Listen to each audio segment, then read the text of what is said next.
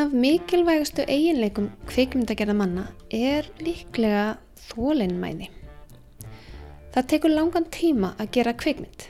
Það líða yfirleitt nokkur ár frá því að hugmynd kviknar og myndin er lágs frumsýnd. Hvert einasta skref krefst þólinnmæði hvort sem það er handreitaskref, framleiðsla, tökur eða eftirvinnsla.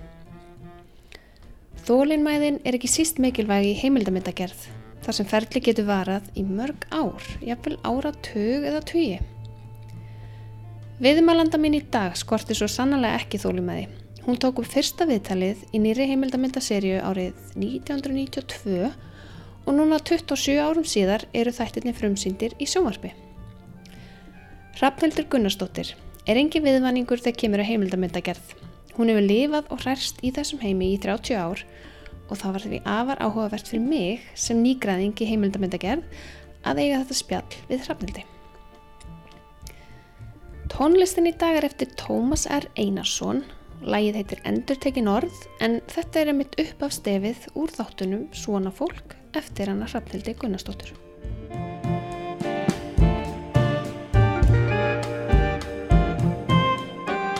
Jæja, þá er ég stödd núna í Guðvinnesi, nánar tiltekið í kveikmyndaklasanum á skrifstofu Hrafnildar Gunnarsdóttur heimildamyndagerðamans. Sæl Hrafnildur. Hæ. Ég, hérna, við byrjum bara aðeins á kveikmyndaklasanum. Ég hitti þig fyrst hérna. Akkurat. Ég held að það hafi verið byrjun ás 2017. Emitt. Þá varstu að sína mér húsnæðið. Jú, jú, því ég var að akkurat. leita að skrifstofu Já. fyrir mig. Og hérna, endaði svo að ég leiði hérna einhverja mánu. Já. Þetta er aðeins að, að þróast hérna hjá okkur núna til Já. betri vegar. Það búið að vera að taka smá tíma að koma þessu almennlega í gang en mér virðist það vera að gerast. Ég sem sagt uh, tók mig til þegar ég frétti að Balti var að fá hérna heilt hús fyrir einhverja miljón kalla og ég talaði við Dag Björgarsson borgarstjóra og, og var bara að klifa á því að mér finnst það vera mikilvægt að grasrótin hefði líka rými hérna uh, þá minni aðilar í kveikmyndagerð Mm og að þetta færi ekki allt í ykkur að geðveika þróun og þetta er því alveg og við getum ekki nálgast rými hérna upp frá Mhm. sem að væri svona minni Já. hann tók rosalega vel í það og, og, og bauð okkur hérna þessa hæð þannig að við erum með hæð hérna við liðan á Íslenska Gámafélaginu Já. og sem sagt hugmyndin var að þetta er einhvers konar incubator eða útungunarstöð og svona stuðningsklasi við, við litla fólki í kvipnagerðinni Mm. og uh, núna er bara það er sletta fólki hérna sem er, þetta er bara mjög fínt. Ísolt Uggadóttir er komin hérna inn í hot þar sem að þú varst. Uh, uh, Anton Máni er hérna við liðin á mér. Mm og uh, og uh, svo eru ímsir heimildamyndagerðamenn uh, Keli og Marino og Bubbi og Anna Þóra Mhm. Ástildur Kjartansdóttir og Mhm. Helena Stefansdóttir Já. þannig að það er svona smá saman að, að- að glæðast skemmtilega líf og ég hef bara sko eftir ég fekk þessa hugmynda þá hef ég svo sem ekki haft mikinn tíma til þess að svona við erum búin að vera með eitt námskeið hérna en við viljum gerðan hafa fleiri námskeið að Hvernig námskeið? Já, bara alls konar sem maður myndi þá bæði styðja við eh, sem sagt tæknilegu hliðina, það er að segja uh, þetta námskeið var stelpur skjóta. Um, ég vil líka vera með námskeið fyrir uh, ekki beint, já svona mjög lítil fyrirtæki. Um, að því að fólk þarf alltaf að setja sér markmið og ég hitt alveg frábæra konu sem hefur kent á vegu media Lindan okkur sem er kanadísk en býr í, á Ítalíu og uh, mér langar til að vera með námskeið sem að sem sagt, kennir uh, litlu fyrirtækinum að setja sér markmið og, Mm og koma sér betur áfram. Er, er þetta orðið fullt hérna? Já, nánast. Það eru, sagt, eru öll rýmin sem eru núna til eru full og við eigum tvö upp á að hlaupa Mhm. Uh, hérna út í endanum og það verum að fara að byggja uh, fleiri veggi þannig að Já. við ætlum að loka því af líka og, ok. og hafa svona fundarastöðu og það komi lítið stúdíó hérna upp á efrihæðina Já, þannig að ef að fólk þarf að skjóta viðtöl að, að þá er uh, þetta er svona 50 fermetra stúdíó hátt til lofts og þetta er ekkert voða stórt en, en alveg nóg viðtalstúdíó mhm, við höfum tekið þarna upp bæði ja, fullveldisöldin var tekin þarna upp og, og nýlugur þáttur sem Áskrimi Sverrisson og, og, og Markil Bræður voru að gera. Mhm. um kvikmyndasöguna. Já, einmitt. Um, hérna, já, Birna hrítur, hundurinn hrítur, þetta er ekki ég. Og þetta er ekki reyja heldur. Ég er ekki svona leiðileg en eru þið hérna, e, nú er svona búið að bætast aðeins í hérna, er það ekki? Kukl er að fara að koma. Jú, uh, svæðið er að, að glæðast lífi, uh, sagt það er búið að steipa gólfið hjá Balta, þeir eru að fara að laga hæðirnar, búið til skrifstofnar sem er rosalega fallega teiknað af honum, uh, nú uh, ranna úr höstum á mér, hann er gifturinn í steinunni, Siguradóttur, fatahönniði, arkitekt, það kemur eftir allavega og, og já, varði, hann flytur allt sína upp hingað upp eftir eftir rúman mánuð. Mm og uh, þeir eru byrjaðar á holræsa og gatnagerð hérna fyrir byggingar og þannig að ég, mér, ég bara kveikti strax þegar var verið að tala um þetta kvikmyndaþorp og það var búið að vera að tala um þetta í svo mörg ár og þess að ég vil bara gera það sem ég geti þess að styðja við þessu frábæru hugmynd og, Einmitt. Og hingað erum við komin og við erum að reyna að losna við ruslið fer, fara þessi rusla fyrirtæki? Já, sorpa, ég veit ekki með sorpu en gámafélagið er á leiðinni, þeir eru byrjaðar að tæma bygginguna. Ok, Uh, haugarnir fóru í umhverfismat, það er verið að færa þá upp í Mós, eða sem sagt í Reykjavík, þarna upp á Esumölum. að það, það það þurfti þurfti- lykt af þeim, eða ekki? Það er lykt af, Já. já, haugnum hérna, hann hefur verið alveg hræðilegur á sömurinn, sko, Mm -hmm. í vittlusri vindátt og svona. En, um, en það er sem sagt, þeir eru, þe- þeirra leigusamningur rennur út 2021 og við erum náttúrulega núna í loka árs 2019 þannig að æja, við, við býtum bara í það Mhm. súra epli að hafa þetta þangað til þetta fer Þannig að eftir nokkur ár þá verður þetta bara orðið flott kveikmyndaþorp, vonandi. Já, ég hef full að trúa Já. því ég, þú veist, það eru stórir aðilar sem hafa trú á þessu og, og, og að vísu náttúrulega við vitum alveg hvernig kvikmyndagerðin er þetta er svona hagrænar sveiflur, það er, eru mjög miklar í þessum geira og, Mhm. og við þurfum að vera alltaf undir það búin að fara með harmonikana niður í ekki neitt og Mhm. svo þarf að belgja þetta út þegar við betur árar Mm -hmm. en það er eins og núna við erum að fara inn í kannski einhverja niðursveiflu, efnaðslega niðursveiflu uh, það var þá sem var mest að gera hjá okkur þar að segja erlendu verkefnin streymdu hérna inn og þegar að krónan hafði síð og allt það sko Mm. þetta er, já þetta er undarlegt dýr þessi kvikmyndagerð En það er nú margt búið að gerast í þér síðan þú komst hingað, þú ert búin að eins barn. Jú, já, og svo ertu búin að sína svona fólk. Jú, jú. Og var súlka áhrifin, jú, jú, þannig að þrjú börn á tveimur árum. já, það s- sumar meðgangurnar voru lengri en hinnar Já, nokkarlega. En hérna, já þetta er raun og verið, ég náða að skúpa þessu öllu undan mér eh, eftir ég hætti sem formaði félags kvikmyndagerðamanna. Já, Það var ótrúlega mikil vinna og líjandi Já. algjör sjálfbúið að starfið ekki. já, já, já, hún var það Já. sko. Við vorum á þeim árum þar sem við fengum enga íhjón peninga sko, oft var hægt að gauk einhverjum 500 úrskalla að formanninum Mm. en, en það var eh, ekki þarna í þessi 8 eða 9 ár sem ég var formaður. Nú, En það þurfti að halda þessu gangandi þannig að ég gerði Mhm. það og um, en sem sagt þegar ég gætt lóksins uh, klára mínu verkefni, við vorum búin að koma uh, kvikmyndagerðamönnum undir rafina sambandið mhm, og það er allt opið fyrir þá sem að vilja halda kjara baróttu áfram. Mhm, ég ætla að snerti mig náttúrulega ekki alveg beint af því að Mm. ég er í raun og veru þannig sé framlegand og hinum uppi borðið. Já. þó svo að ég sé ekki hluti af SA eða slíkt sko. Mhm, þannig að mhm. Um, já, en ég held að þetta skapaði bara mikinn tíma fyrir mig og ég gætt klára verkefni sem að ég tók fyrsta viðtalið fyrir, fyrir 27 árum.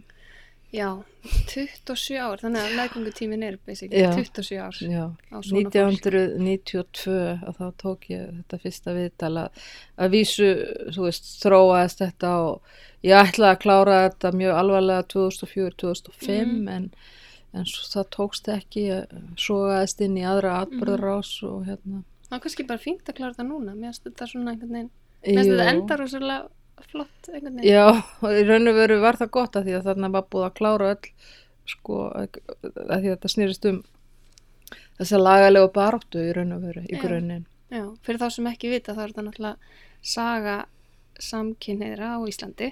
Þetta er, já, þetta er saga réttindabaróttu homo lesbía Já, og ég geri, ég nota allt stundum nota ég orðið sanginniður en ég myndi aldrei kalla þetta hins einn.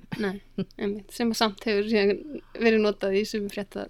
Jú, jú, ég er búin að skamma svolítið út af því því að, já, já, Já. það er bara eins og það er. Það, það er bara, En, en er þetta, myndir þú segja að þetta væri svona þitt stærsta og kannski persónulegasta verkefni? Já, þetta varð mjög persónulegt af því að uh, ég áttaði mig á því fyrir cirka einu og hálfu ári síðan að, að ég, ég þetta er náttúrulega allt út frá mínum sjónarhóli og ég vildi bara koma strax út úr skápnum með það. Mhm. Ég hef ekkert rosalega mikla trú á svona óhlutlagri kveikmyndagerð. Ég held að það sé alltaf hlutlagt sjónamið. Ég held, já, ég, er það ekki bara heimildamöndagerð? Það er alltaf séð frá sjónarhóli leikstjórans. Jú, og, og þarna vildi ég vera ekstra, Já. uh, leggja ekstra, ekstra mikla áherslu á það að þetta væri frá mínu sjónarhorni bæði vegna þess að það hefur oft verið innri deilur og Mhm. ég vissi al, alveg að, að sko ég myndi aldrei geta fjallað um allt og, og þetta var að vera, þetta eru fimm þættir sem Mhm. þú veist, þeir áttu að vera fjórir þeir áttu að vera 30 mínútur Mhm. ég gæti tekt upp í 45 mínútur rúmlega það fyrir hvert þátt og, Mm.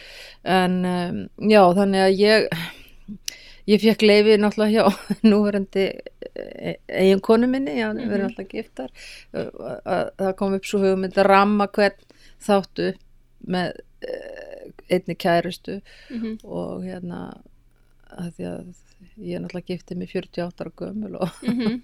En þetta, já, þetta var, eh, ég held líka fólk hafi brugðist rosalega sterklega við því vegna þess að það var ykkur persónuleg saga sem maður rammaði þetta inn og Mhm. þetta var auglust að þetta brann á mínu skinni. Algjörlega. Já, Já, mér, já, það var komið mjög vel út. Þannig að elstu brotin eru náttúrulega frá þér þegar þú ert lítil. já, Eh, hvað bara, fimm ára gömulega? já 5-6 ára gömul, vorum að ferðalegi fjölskyldan með að heimsækja föðu sýstu mína og mannin hennar sem var að vera að vinna í Allsýr Mhm. og þeir áttu 16 mm vél og voru kafarar og Já. svona í bryggjusmíð. Já, þeir byggðu reyndar sundahöfnina hérna líka, nei ekki sunda, ég segi bryggjuna hérna við Í Guðnes og brúna í Borgarfjörðin Einar Krispusson og Krispur Þorrensson pappans já, og þeir áttu 16 mm myndavél og það er til þessar ótrúlega myndir af mér bara 5-6 ára gamalli mhm. það er mjög, mjög heppilegt mjög gaman. Já. En hvernig er að gera svona rosalega viða mikla heimildamyndi að þátt að er svakalega gagna öflun og Já, mér finnst náttúrulega að einhverju leiti hefði örgulega geta eitt einhverju einu ári viðbútt þess að þetta var mjög líjandi sko að, að ég hafði aldrei nóg fjármagn uh, og uh, ég kallaði þetta stundum því það er að gera eitthvað annað og to, to, to support the habit. Þetta er svona eins og fíknefna neysla maður þarf að fara og vinna og einhverju öðru og til þess að geta farið síðan aftur í dópið sem er heimildamyndagerðin mhm, um, en og, og þetta tók náttúrulega mjög langan tíma þannig séð ég meina þó að, að mest hafi gerst náttúrulega síðustlu þremur árum. Mm, um, ég var mjög gott teimi í kringum mig uh, Halla Kristín Einarsdóttir. Um, hún sem sagt ég vildi stíga skrefið tilbaka þannig að hún grunnklifti þættina og er mjög góð í því að sagt, finna út hvaða þarf að segja. Og svo var ég náttúrulega með mjög góða ráðgjafa. Ísolt Ugadóttir kom inn á lokametrónum hérna síðastlið síð, eða fyrir einu og hálf ári síðan. Mhm. Þannig að já þetta var náttúrulega bara gríðarlega mikil vinna Mhm. Þe- Þegar þú tókst fyrsta viðtali fyrir 27 árum, varstu þá með þessa hugmynd í huga? Nei. Var það bara viðtal sem þú tókst og svo bara gemdur það? Nei, nei, ég, ég var svo á þeim tíma þá vorum við í miðjum miðju kafi, við stóðum út í miðri ám með alnamið allt í kring Mm. vinni mínir voru veikir og, og þetta var viðtal við Björn, Björn Braga Björnsson vinn minn. Hann var smitaður, var komin með eina tjöfrumu var sagt komin með AIDS alnami og uh, hann uh, ég bara ég vildi gera kvikmynd um um alnæmis faraldurinn hérna á Íslandi og bara hvernig þeim leið strákonum og Mhm. hvernig okkur leið og, og ég reyndi í 2-3 ára fjármagn í það Mm. og, og ég sapnaði fleiri viðtölum náttúrulega bara fljótlega eftir það í, í þá kvikmynd sem, Mhm. sagt, sem að varð síðan setna að þriðja þættunum í þessu verki sem að Mm.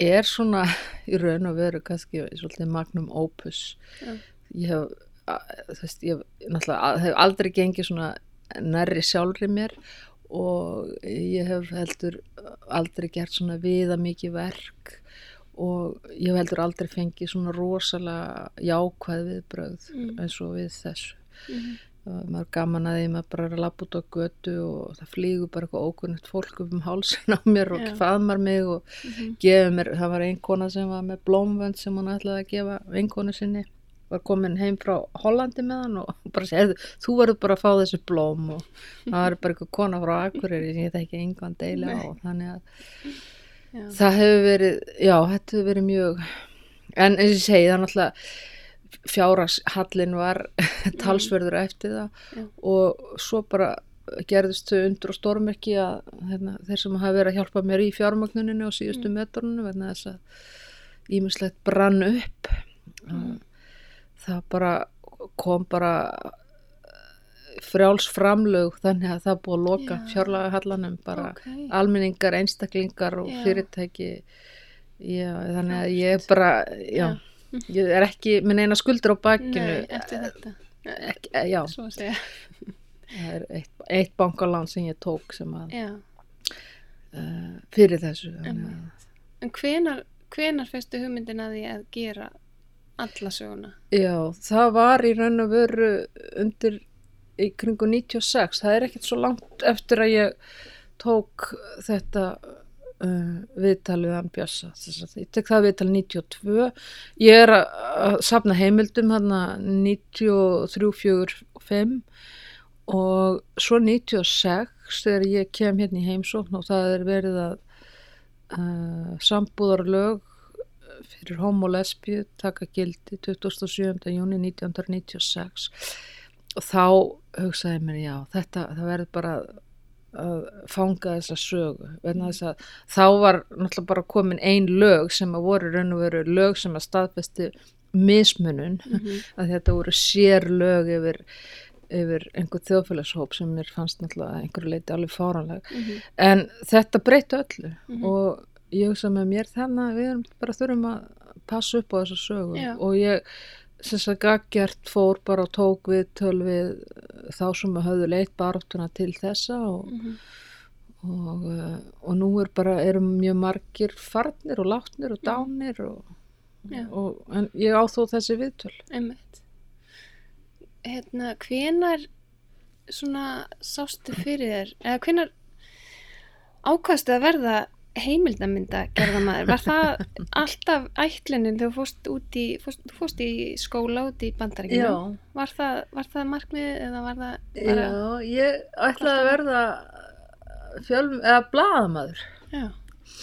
ég fór fyrst í University of California og ætlaði að verða blaðamaður en svo var eitthvað sem að fekk mig til þess að beigja þeirri leið að þess, ég hafði, fekk svona daldur mikið ógið á bandariskum fjölmjölum Mm. ég, og ég var að reyna að samsvara mig með, já, þú veist hvernig ég gæti verið í einhverjum svona fjölmiðla heimi sko, Mm. að því að mér fannst það svo mikið, já, náttúrulega uh, þú ert að starfa fyrir einhvers fjölmiðil og þá ertu náttúrulega undir hans editorial stefnu settur um, allavega, ég veit, þetta voru svona óljósar hugsanir á þessum tíma Mhm. og ég hafði alltaf verið að dunda mér í ljósmyndun og hérna og ég sem sagt fór og ákvað bara að skipta um kurs og fór að taka meiri ljósmyndun og meiri uh, það sem sagt vídeo Mm. fór að læra já, vídeo og, og kvikmyndagerð Mm. þannig að og, og skipt um skóla fór í uh, California College of Arts and Crafts og San Francisco Art Institute og, og þar lærði maður svona meiri gaggrítni hugsun sko. Mm. ég, það náttúrulega var eitt af því sem að var rosa, og þetta var náttúrulega ekkit auðvildi tími sko að vera að skipta svona kúrs og vera hana bara 21 árs í einhverjum útlöndum og hérna en uh, allavega þannig að og síðan eftir það, veist, ég hef eiginlega aldrei gert neitt annað. Uh, ég vann nefnitt sem klippar á rúf uh, 87 þá kom ég að vann hérna eitt sumar sko. Og, en, en þá var þetta einhvern veginn og ég, það var alveg augljóst það, ég, ég bara varð ástofngin af, myndbandstækninni og, og, og já, þannig að en með pínu svona listtengdum vingli Já, þú hérna varst tökumæður á einhverjum Já, já. bíómyndum út í að Já, sá. Tilda Swinton í tveimur myndum Jú, jú, já, já, ég var second unit reyndar á þeirri mynd og.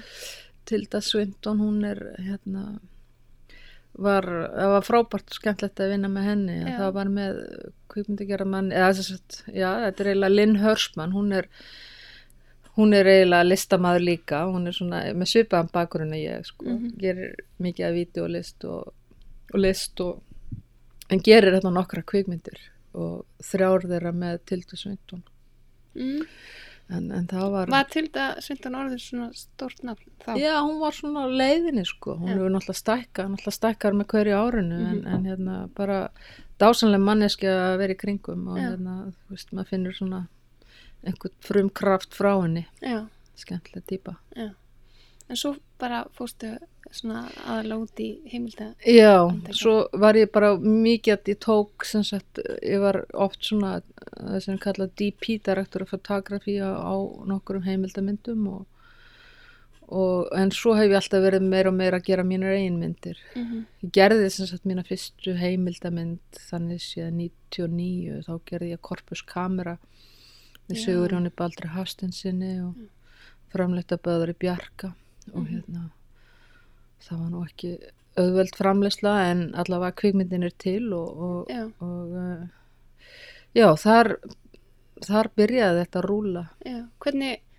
var það að, að svona gera sína fyrstu mynd uh, og fá fjármagn og já, Og það var náttúrulega bara maður var náttúrulega ólaunar að stórum hluta uh, fjökk, já, þannig að hvað tók þetta langan tíma? það tók skemmri tíma það var tvö ár Já. skerði þá kvikmynd sko Mm og svo var ég að þvælast með hérna kunningja minni sem ég hafði unnið stundum fyrir í bandaríkjanum þetta er Erika Markus uh, mjög fyndin og skemmtileg típa uh, mjög óskjöpulöð og, en hún er með svona Heart of Gold og hérna gýðingur Red Diaper Baby hún var kommunisti, gammal gýðingur kommunisti frá New York og sem að hafði verið síonisti en hún var búin að taka sagt málefni Palestínu Araba upp á sína arma og var alveg eðilögðið í því hvernig Ísraelarnir og geðingarnir væri að fara með Palestínu Arabana og ég fór sem sagt með henni til Líbanon og þá var einhvern veginn al, þá, þá, þá gat ég einhvern veginn ekki fara aftur tilbaka til bandaríkjana Já, ok. Já, það var svona alveg eye-opening moment sko fyrir því. Já, það var einhvern veginn, það var allt búið að snúa svolítið mikið um gay-politík hana upp Mm. að þessu sko Mm og, og en já, þannig að þarna já, ég bara, það bara breytist allt. Ég Mhm. bara sá allt í henni gífurlega, þetta gífurlega óréttlæti, gagvart þessum hópi þannig Mhm. Palestínu Arabonum og, og var fyrir miklum áhrifum í Líbanon og, og hérna, þykir mjög vænt um Líbanon. Mhm. Hvernig er það með heimildamindir? Um, er það ekki svolítið þegar maður velur sér verkefni að þetta tekur langan tíma að gera Mm uh, verður þetta ekki að vera passion project? Persónulegt. Eða svona passion. Passion, Það verður jú. að vera svona eitthvað sem að brennur fyrir. Jú, Það er Það ekki text, sko. Ég meina, hefur þú gert einhver tíman einhver kemur að máli við þig og segir getur þú gert heimildamynd um þetta og þetta er einhvern veginn alveg áhugavert en ekkert eitthvað sem að þú brennir fyrir. Myndur þú þá gera það? sko, um, já, Mm. Ef það er peningur. já, það eru nú oft ekki mikli peningar en, en, en uh, já, ég, sko, ég þarf stundum verkefni sem að ganga ekkert svona allt og uh, nærri mér, þannig Mhm, séð. skil. náttúrulega, það er eiginlega alveg sama hvað ég geri, ég svo sem ég geri allt 150 brósti ég get. Já. en, en eins og núna þá eru liðinir bara já, að þrjár viku frá því að síðasti þáttunum fór í lofti að svona Mhm. fólk og ég var að frumsýna vasúlka áhrifin Mhm. og, og núna er ég einhvern veginn bara í svona smá byðstóður og hugsa spytu hvað er ég að Mhm. fara að gera næst næst? og ég finn það að það verður að vera eitthvað sem ég brenna alveg fyrir Mm. þú veist, ég er ekki að fara að gera einhverja eh, serju sem, eða eitthvað sem að ég hef, hef engan áhuga á en, en það komu til mín nefnilega tvö verkefni sem bæði sem að tengdust hestum og hérna Mhm. og það er alveg innan míns áhugasviðs ég Mhm. var, ég átti hesta og, og annað þeirra er fjallar um Sigurbjörn Bárðarsson sem er og það hefur verið mjög gaman að kynast honum hans fjölskyldu, einhvern hans fríðu og börnuna þeirra, það er alveg frábær hesta, hesta fólk og, og sjá einsýn í þann heim uh, að vísur að við að reyna fjármagna þá, eða eru að reyna fjármagna þá mynd. Og svo er ég með mjög stort verkefni sem ég líka brenn fyrir þó að það sé ekki mitt uppalega en það er það heitir Bóndin og verksmiðan og fjallar um, um bóndan á Kúludalsá sem hefur verið með veika hesta uh, og flúormengun og núna eru þeir að Nú tæma heyrist í, rusliði núti í er þetta Brot, þetta er brota, já, nei, nei, nei, Brot. þetta er gá- gámafélagi, Gámafélagi. já, já, þannig að, Mhm. að þetta eru svo sem, og svo rættaði líka inn á borð til mín annað verkefni Rockamman um Andru Jónsdóttur. Mhm. Það tengist líka, ég á gamalt myndefni með henni sem ég hefði tekið sko 2004. Uh, hún er áhugaverð persóna. Þannig að, já, maður verður einhvern veginn að stilla, ég tek Já. aldrei neitt að mér ef ég hef ekki áhuga á því. Já. Það er ekki, og, og stundu kemur að mér sér kollu sérstaklega núna þegar ég er komið með kríli og konu sem ég þarf að sjá fyrir, þannig að ég þarf að halda sirkusnum gangandi. Hvernig, hvernig lifir maður af sem heimildamund að gera maður? Ég veit ekki, ég fer þetta bara allt á þrjóskunni náttúrulega. Já.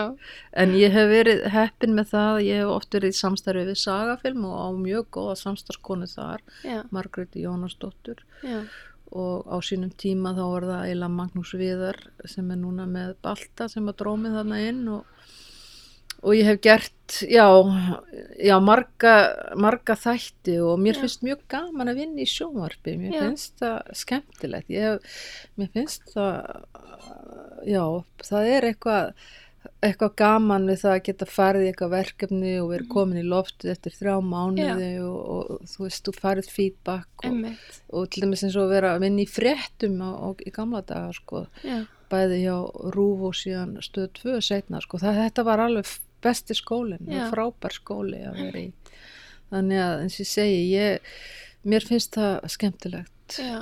Þannig að þú er að gera svona einhverjar bara þáttaræðir með sagafilm. já, ég, ég fekk geðveika hugmynd 2014 Mm. í oktober 2014 þá vorum við að fara inn í a- 2015 sem að var 100 ára ammali kostningarétta kvenna. Mhm. ég veit ekki hvort þú tókst einhvern veginn eftir þessum þáttum. En ég sem sagt fekk þá hugmynd að gera 52 örþætti. Já, bara, já, 52 einn í hverju viku. Já, þetta var þess að í kringum 3. oktober sem ég fekk hugmyndina. Aha, ég eh, fæ, Margréti með mér í þetta. Já, við skrifum undir samning við Rúf uh, 15. desember. Uh, tíkin mín fór að gjóta fyrsta til annan janúar og við vorum að fara í lofti fjórða janúar. Ó, þess að voru fjögra til fimm minútna lang, langir sem sagt uh, heimildamynda gerðar þættir sem að tengdust lauslega sem sagt kostningarétti kvenna og, og konum og hérna. Mhm, það var frábært verkefni og algjörlega fengum ekki eh, nóg mikið greitt fyrir það en Nei, þetta var alveg rosalega gaman. Já.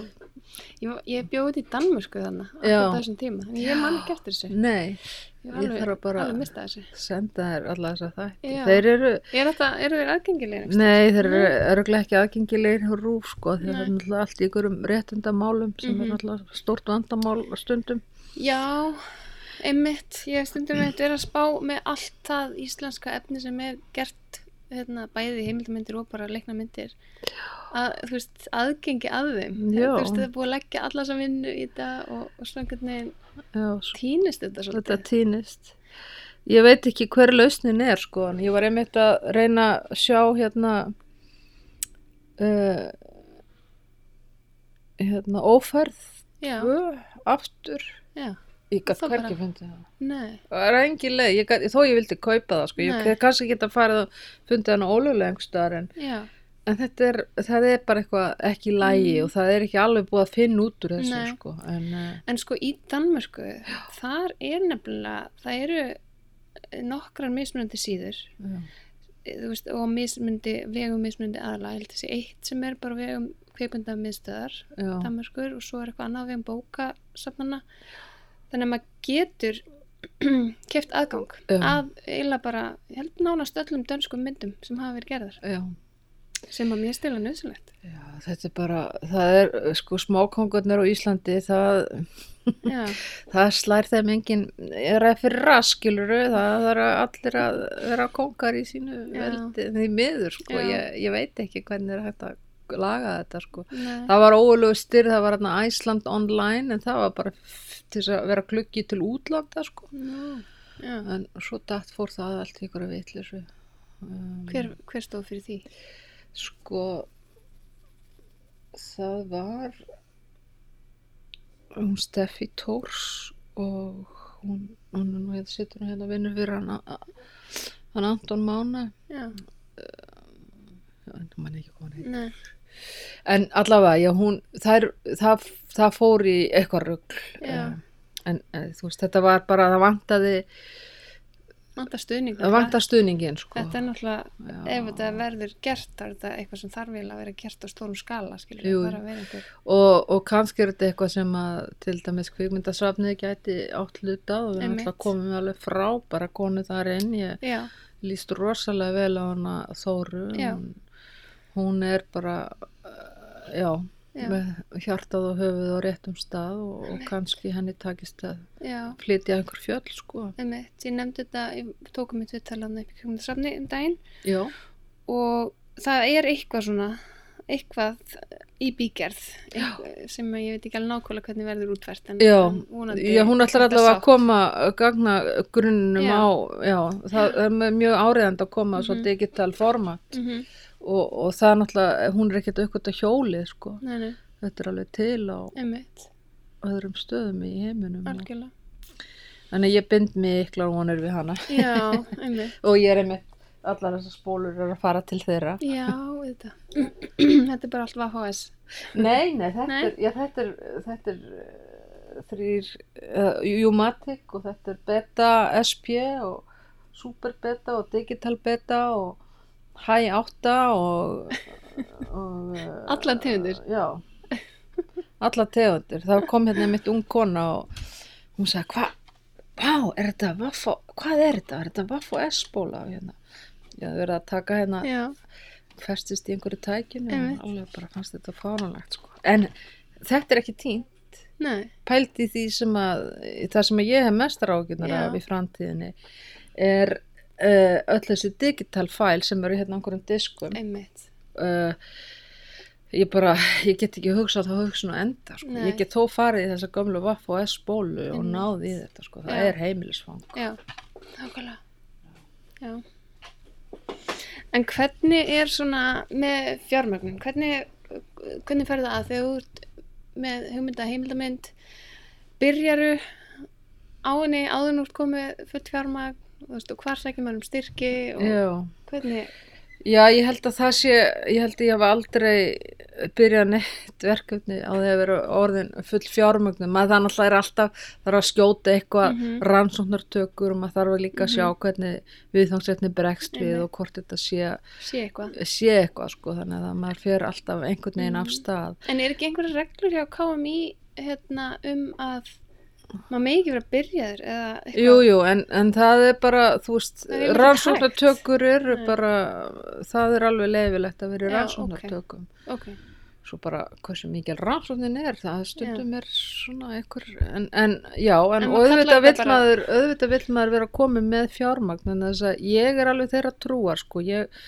held að það hefur kannski stað okkur pínliti fyrir dyrum, eða þrifum og dyrum er þessi einirkja stefna sem hefur svona þróa svolítið áfram hérna, það er að segja það eru bara hver í sínu hotni, Mm. þú veist, ég er bara að gera allt sjálf mm sko ég vil fá mest besta mannin og bestu konuna í það sem þau gera best mm Mhm. að vera með, ég reyndar er mjög góð tökumæður þó ég segi sjálf frá Mhm. og reyndar er líka mjög góð klippari en neini kannski ég vil fá að vinna með góðum tökumannum Mm. og ég vil fá að vinna með góðum klippurum -hmm. og ég vil fá að vinna með handritsöfundum og, og, og, og skriptdoktors og allt það tónlistamönnunum og hljóðmönnum Já. og, og ég vil bara að þetta sé, þetta sé ekki einirkja Mm. stefna þannig að og sem betur fyrir þá er náttúrulega sjóðunum verið að stuðja svolítið við baki á því undarfarið og jú, það verið svona ákveðin stefna. Þannig að, að og, og við erum erum sko eftir að hafa búið í bandaríkjunum og þá veit ég alveg hversu erfitt að vara að fjármagna myndir þar að það er engin kveikmyndasjóður sko. Þeir eru með ITVX sem er rosalega mikil samkeppni um að komast þar að með verkefni. Og, og þá uh, færðu dreifingu í þessu hérna almenningssjónvarpinu, Public TV um, en hérna við erum mjög heppin að hafa kvikmyndasjóðun og þetta mættu peningarnir alltaf vera meiri og, og allt það og, og svo eru við náttúrulega líka með þessa endugreðslu sem að hefur verið sem hefur raun og verið bjargað okkur alveg á síðustu tíu árum finnst mér. Mhm. og svo náttúrulega eftir, eftir viðhóðsefninu, ég meina ég er svo sem eins og ef þú ert með svona verkefni eins og svona fólk sem að það voru góð, það var góðvilja fólk sem að koma inn á síðustu mínútu til þess að bjarga mig frá þessum gengisfellingum og, og þú veist það að framlega kvipundasjós þú veist það var í raun og veru 2 miljónir, þú veist tvær- ein- 1,2 miljónir sem er ekki neitt Mhm. gerir lítið fyrir það en hérna þannig að það er náttúrulega alltaf að þú veist með þannig verkefni sem að fólk hefur trú á Mhm. það er, og, og svo náttúrulega sko þarf það að gera greinamann því er þetta alþjóðlegt verkefni? Um, við erum ekkit sko ég myndi segja að það er séu kannski möguleikar á því að svona 20, 15-20 brósta verkefnunum heimildamyndunum hérna heima hafi alþjóðlega skýrskotun og við þurfum bara að gera okkur grein fyrir því. Þú veist, þetta er bara, þú ert ekkert að fara að ná í einhverja mikla mikið fjármagn á hinum Norðurlandunum það því miður, þá er það bara ekki þannig. Þú veist uh, uh, já, en eins og, eins og með vasúlka áhrifin að það voru augljóslega bæði tengsl til Tjekkoslovakíu Mm.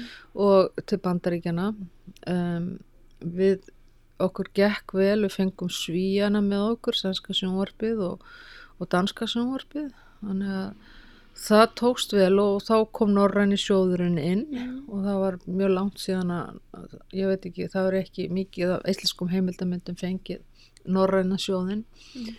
en allt og, og, og media media Europe fengum þróunar styrk frá þeim og, og þetta sapnast allt saman saman og mjög stóran styrk þannig séð frá teknisku tekniskum stjórnvöldum eða tekniska kvikmyndasjónum Já. sem að Eru, þú ert að gera þá mynd eitthvað í samstarfi við sagafilm, eða ekki? Jú, Já. ég, sagt, sko, það, ég ger stundum greina mun á því, veist, ef ég vil bara fá að einbetta mér algjörlega að því að leikstýra, Mm. að þá hef ég verið í samstarfi við, já, Margrét Jónasdóttir er svo eina, sko, Mhm.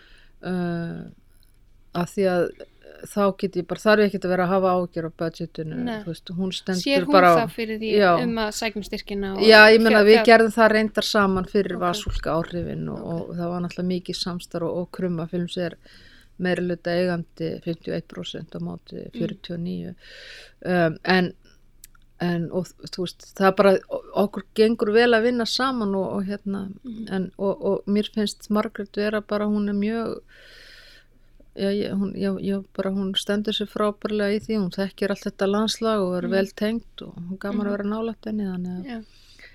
Um, já, þegar að ég vil bara hafa alveg frí sko frá þessum ágjum, menn stundum er þetta svolítið, þú veist, ég menna núna erum við að fara inn í, þú veist, næsta ár og ég er ennþá að býða eftir fjármagnið úr fyrir vasulka áhrifin, þannig að, Já, þú veist, þetta er svo sem já, eru alltaf einhverjar tafir og, Já, en, En en, er- einhvern veginn þá tekst mér að, að lifa þetta af, ég veit ekki hvernig.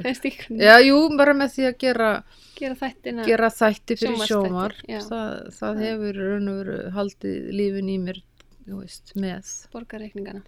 Mm en hérna markasetning og sala er það eitthvað sem þú ert að standa í er já, því miður og þá Já. erum við oft í því sko.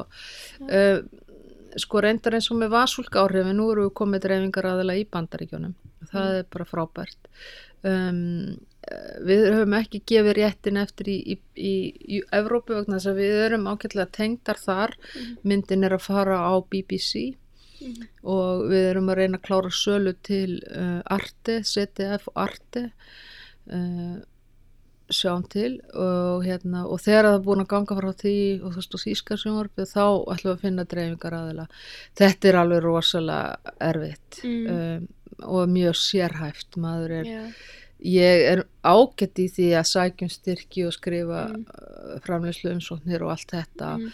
en svo er þetta sko, ég vildi bara óska þess að væri ykkur hérna heima sem bara myndi taka þetta að sér já en er Margrét ekki þá góð í þessu uh, Já, alveg sumuleiti, en hún er svolítið eins og ég, sko, þú veist, Mm. þegar við erum búin að klára verkefni þá vil maður bara fara í næsta, sko, ekki Mhm. vera, vegna þess að þetta er bara, þetta er mikil vinna að Já. dreifa og, og, og, og oftast reyndar eins og með þetta skiluru að hún, hún er að fara inn á, á DR hún er að fara á í sænska sjónvarpið og svo Mhm. allt auka er þá bara svona acquisition sem eru Mhm. þá í raun og veru freka lítið fjármagn nema Mhm. ekki, ekki, ekki BBC og ekki Arte þetta er ekki, Mm.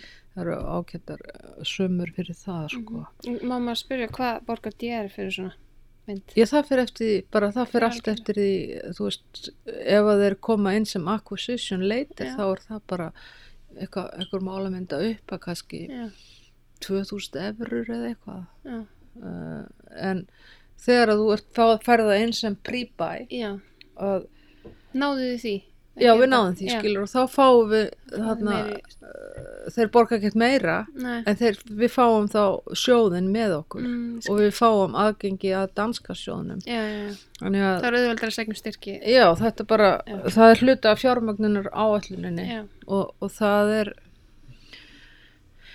já, þetta er svona púsluspil. Og getur verið svolítið snúið. já, þetta er svona frumskor að læra Þannig að maður þarf að vera, lefa fólki bara vera í sinni sérhæfingu. Það eru Mm. mínar ráðleggingar til framtíðar Já. þeirra sem ætla að fara að leggja þetta fyrir sig. Hvað finnst þér skemmtilegast í parturinn? Mér finnst rosa gaman að taka og mér finnst rosalega gaman að klippa. Já, um, mér finnst rosalega gaman að vinna með tónlist í klippingunum emmi. Og, ég, og þó ég sé með klippara og ég allt, reyna alltaf að vera með klippara ég er þekkt fyrir það að ég þarf aðeins að taka það og nutta það sko. Mhm. ég kalla það að nutta það þá maður þarf að fóra rithman réttan og, og, hérna, og ég er náttúrulega búin að vera að þessu lengur enn í tvö ár Mhm. þetta er nú að verða hátt í 30 ár Já. já, ég sagði það, 30 Einmitt. ár Já. þó ég sé ennþá bara 25 Mm nei, En því finnst gaman að taka, ertu með þína eigin tökuvél eða leigiru? já, ég kefti vel í, í samkrulli við nokkra og við eigum uh, 4K Sony vél sem er bara alveg ágætt uh, en ég sakna reyndar alltaf gömlu góðu hérna, handicam Sony Vaffex 1000 sem að ég átti sko tók mikið á frá 95 til 2000 það var bara Mhm. pínlítið vél og alveg frábær sko. og Saknar hennar því hún var svo handhæg? hún var svo handhæg og Mm. það var engin að pæli því hvað ég var að taka myndir af bara og ég er nú hugsa um að fara aftur í þá átt en það er Mm. bara hvert verkefni krefst Já, já. síns eigin meðals og Mhm. hérna En þessi sem þú ert með núna, þessi starri er hún, eru áfastar linsurnar? nei Eða- það eða er hægt að skipta lins skiptur linsum Já, og- hvernig er það svona í heimildamyndagerð? Þú veist, hefur maður tíma til að vera alltaf að skipta? Nei, þú þarft að vera Nei. með sko, já þú Getur ekki vera með svona zoomlinsu? Jú, er mjög gott að vera með zoomlinsu og ég hef mitt fjárfest í einni slíkri sem er, hún er 1855, eh, 18 eða er hún 16, já hún er 1850 eða 1755 eitthvað Mhm. slags, Fujinon linsa, hún er ágætt um, og virkar vel í svona að þú ert að fylgja einhverjum eftir svona Mhm. Já. sem er mikið sem maður er að gera en, en oft hefur maður tækifæri til þess að vera aðeins að degra eitthvað og, og, og, og þá er, getur maður tekið á einhverjar fixt linsur Mhm. uh, það er oft hægt að gera samning við kukl og, Mhm. Og hann er nú já, þægilega með það þannig Mhm. að jú, þetta þarf að vera uh, þannig að þú getur Mhm. flóið strax með því Einmitt. Í hvaða forriti ert að klippa? ég er komin alveg yfir í Premiere Já. að vísur ég, ég er hérna með tvær tölfur Mm. gamlan Tjernobyl hérna sem að keirir er frá 2007 og keirir Final Cut 7 Já. að því að náttúrulega mikið af efninu mínu er ennþá klipt á Final Cut 7 og ég held, og ég var ekki uppdatað hana í, ég veit ekki, tí, já kannski 6-7 ár sko og Já. hérna, en forritið fyr- virkar fínt og Ok. ég get opnað allt gamla Já. dótið þannig að Ok. En byrjaður í Avid í gamla dag? ég, ég skal segja þér eitt ég byrjaði náttúrulega bara að, að ég, ég rétt mista því að vera Að klippa með skærum? að klippa vídeo með já, Já. hérna veist Einmitt. það var bara rétt áður en ég fór að fykta í þessu og þá var Ok. maður alltaf að klippa bara á, á tækjunum, FOS eða, eða þetta voru Sony RM422 þetta Mm. voru alveg frábær kontróler sem að stjórnaði þreymur tækjum sko. Mhm. og hérna, þannig að ég byrjaði þar Já. og um, svo uh, klipti ég á beta, var ég betatesta Premiere frá 91 Já. til 93 Þetta var bara glæði nýtt. Já, það var bara verið að þróa forriti, þá bjóð ég í Kaliforníu og rétt við Silicon Valley og Mm skipsvíni í Video Free America og við vorum, fengum sem sagt premjör og vorum að þró, að sem sagt að pankast á honum og, og þá var alveg sama hvað maður gerði eitthvað, eitthvað mix eða dissolve og þá Mhm. var alltaf kom alltaf hjólið upp sem að sagði 48 klukkustundir rendera en hérna og þá var maður kannski með kvadra makk kvadra sem var rosalega hröð 80 megahertz eitthvað og þetta voru náttúrulega bara játn eða okkur hólkar sko. Jálkar segi ég. Hérna, og svo náttúrulega tók Avid yfir og, uh, og premjörinn dó einhvern veginn Mhm. og bara fór í dvala. Og svo kom Final Cut sem var náttúrulega alveg frábært forrit og svo kom premjör aftur þegar að Apple hætti við að vera tölvu fyrirtæki og verða síma fyrirtæki Mhm. Ég fíla premjör. já, já, premjörinn hann er alveg æðislur hann tekur hvaða format sem er og, Já. og, og já, þannig að mér líður vel í premjör Já. það þekki ég að náið frá gamalli tíð Einmitt. Og smiði að þróa þetta, já, það var mjög skemmtlegt skemmtilegu tími Já. Hvernig, hérna, þegar þú ert að reyna að fá, já eins og segir, þú vilt bara vinna með besta fólkinu á sínu sviði, uh, þú þarft tónlist fyrir heimildamindir og þú þarft uh, mögulega einhverja grafík og, Mhm. og um, hljóðmenn og, hl- og hérna, eftirvinnslu í hljóði og svona. Já.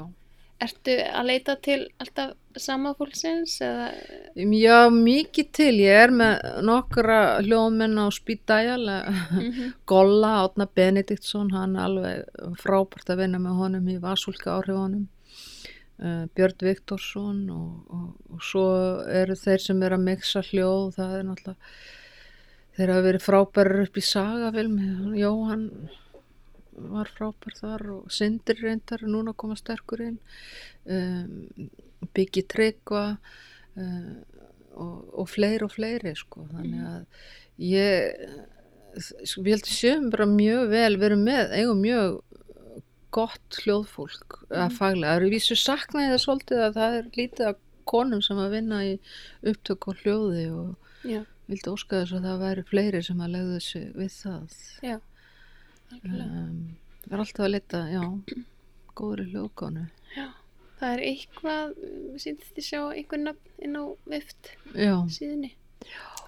En, það er einhvern veginn að það er á að rakist úr þessu já, þetta er, það, ég held að þetta sé svolítið vannmetið starf að vera hljóðmaður. já, sko ég, ég, er, sagt. ég er kvikmyndagerða maður og nú verða hljóðminn alveg rosalega ánæði með mig Mm. En ég hef alltaf sagt það, uh, kvikmynd er 60% hljóð og Mhm. 40% mynd. Einmitt.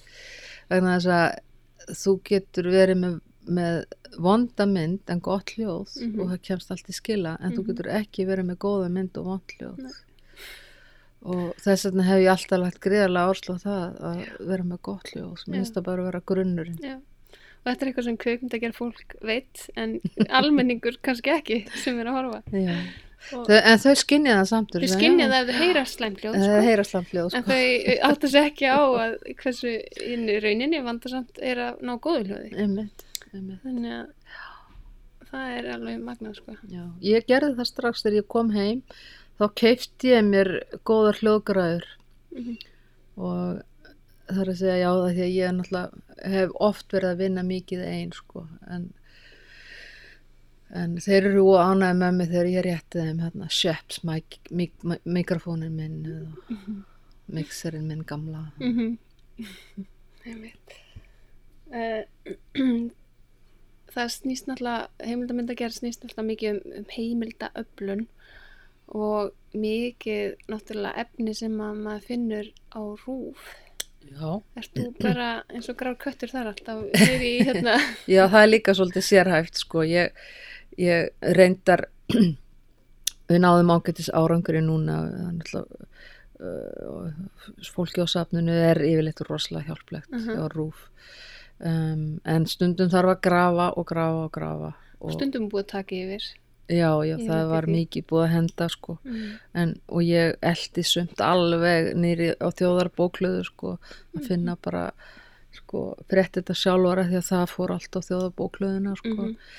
um, en það var búið að henda upptökunum Uh, þannig að, jú, jú, það er því miður að þá er þetta eins og uh, þessi digital já, disaster sem við stöndum svolítið frammi fyrir að þá hefur hefur þurft að vinsa út og það er kannski einhver bara eitthvað möpputir sem segir nei, við skulum ekki eiga fyrstu mótmæli homo lesbi á Íslandi. Nei, bara það.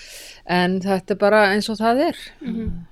En hérna, þetta er svo, það kom mér á óvart hvað það var dýrt að kaupa já, efnið, uh, fyrstaklega því við náttúrulega, uh, rúf allra landsmanna. Já. Og Líkillin að því er að gera samning. Já, mað, það er eiginlega ómögulegt að gera þetta nema að gera Já, samningur þú verður að gera samningur og þeir verða Já.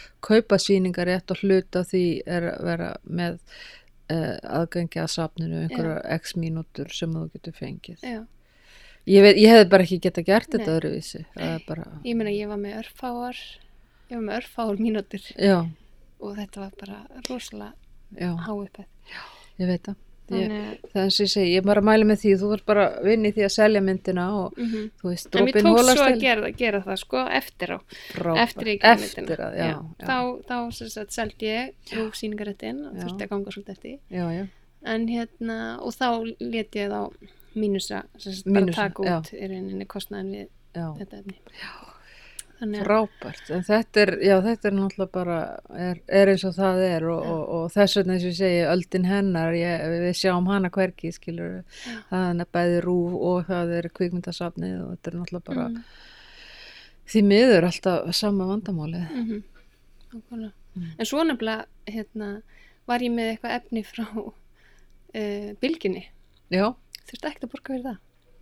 Voru það bara ekki einhver mistök Ég, það, ég veit, ég, það var allt í tómi tjóni hjá þeim ég veit, ég var svo hissa sko, ég sendi bara tölvupóst þannig að það væri skriflegt bara, Já. já. þarf ég ekki að greiða neitt fyrir nei, nei, já, já, og ég veist þetta mjög magnað sko. þeir, þau eru almennilega sko það er enn- nú enga fyrirtæki Jú, jú. versus þeir, þeir voru bara, það var, þeir voru, akkur, hvernig þú varst að gera þetta kannski fyrir einu, tveimur árum síðan, já, einmitt þá voru þeir í einhverjum millibils ástandi, sko, Ok.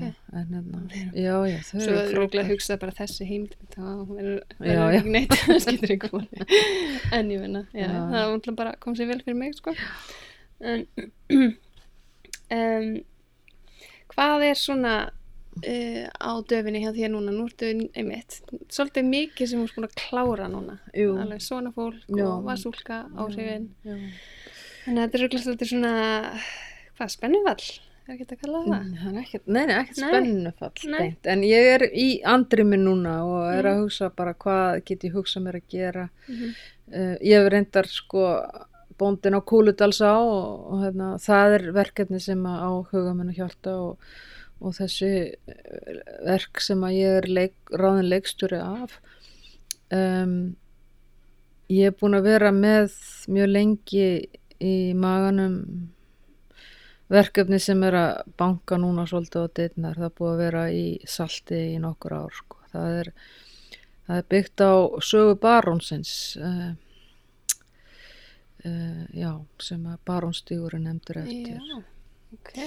Um, þannig að uh, ég er ég held að, ég veit ekki það bara leitar á mig núna þannig að Mm. nú er ég bara að hlusta á sjálfa mig og já, að vísu finnst mér eh, sko, nú er ég búin að vera að gera þarna fullveldis öldina fyrir rúfi fyrra og öldina hennar þar á undan sem er svona sögulegar sögur. Já, og ég hef verið að vinna með bandaríkjamanni sem hefur verið að gera mynd um kvennafríð Pamela Hogan heitir Já. hún og hérna og hún er með alveg sérstaklega sína á þetta allt saman og hvað íslenska konum hefur orðið ágeng eða þú veist, Mhm. okkur hefur gengið okkur hefur miðað í jafnbreytis baráttunni þó að þetta sé náttúrulega aldrei einhvern veginn búið Mhm. en ég er líka með í manum að það þurfi að setja í fjóra-fimm seríur akkurat þessa hvenna barátt á Íslandi Mm. og ég hef yfirsýn um það og ég, þetta er eitthvað sem að reyfir við mér já, algjörlega þannig að já, Hvað ertu, Þetta þannig að þú ert með alltaf mörg ég- verkefni í gangi einu. já nei þetta er náttúrulega bara allt hérna er alltaf hausnum á mér á hugmyndastigi. sko, það er Já. ekki ég er bara, er að klára framlýslu umsótt fyrir Mhm. bóndan og versmiðuna og svo er þetta alltaf í eitthvað í þróun sko Já, að ég hef sko þetta er pínu þetta er pínu erfitt þegar maður er svona að ef, að, ef þetta væri fullkomin heimur að þá hefði ég bara skautað beint inn í næsta verkefni þegar Mhm. þetta var búið en þetta bara tók það mikið á að, Já. hérna, að ég bara er núna bara rétt að fara af stað sko sem, og þú veist hvernig það er að framlýslu umsótt til sjóðsins tekur þrjá Mm. mánuði já, ef þú fær nei þá er það kannski nýjum umsókn og aðrir þrýr mánuðir og Já. þá eru þeir kannski búinir með peningana og þá þarf þetta að byrja hálft ár þannig að þetta er eh, og meðan bara, hvað gerir maður? Jú, maður bara gerir eitthvað skemmtilegt þess á milli já. fyrir fæðingaróla, það var Einmitt. frábært Já, sex mánuðir, ok, þú ert búið með það. ég er búið með það já, já, Já. það var alveg frábært Ok, já. já, já, ég var náttúrulega í fæðingarorlofi en, En ég að náttúrulega svara tölvupóstum Já, Já, já, Harpa var búin að vera í hérna, námi þannig að það tók, kom betur út að ég tók sex mánuði frí Mm. sko. Mhm. Já, já, já, þetta Þannig- var frábært Mhm. það er mjög verðut verkefni það verður spennandi að sjá hvað, hvað verður ofan á eða hvað verður næsta verkefni sem kemur út verður frumsýnd Já. frá þér já, það verður á eftir að koma í ljós eitthvað tengt einhverju einhverjum minniluta hópum sennilega. Já. Herðu, takk hérlega fyrir að taka bara takk fyrir að koma, gangi þér vel. Takk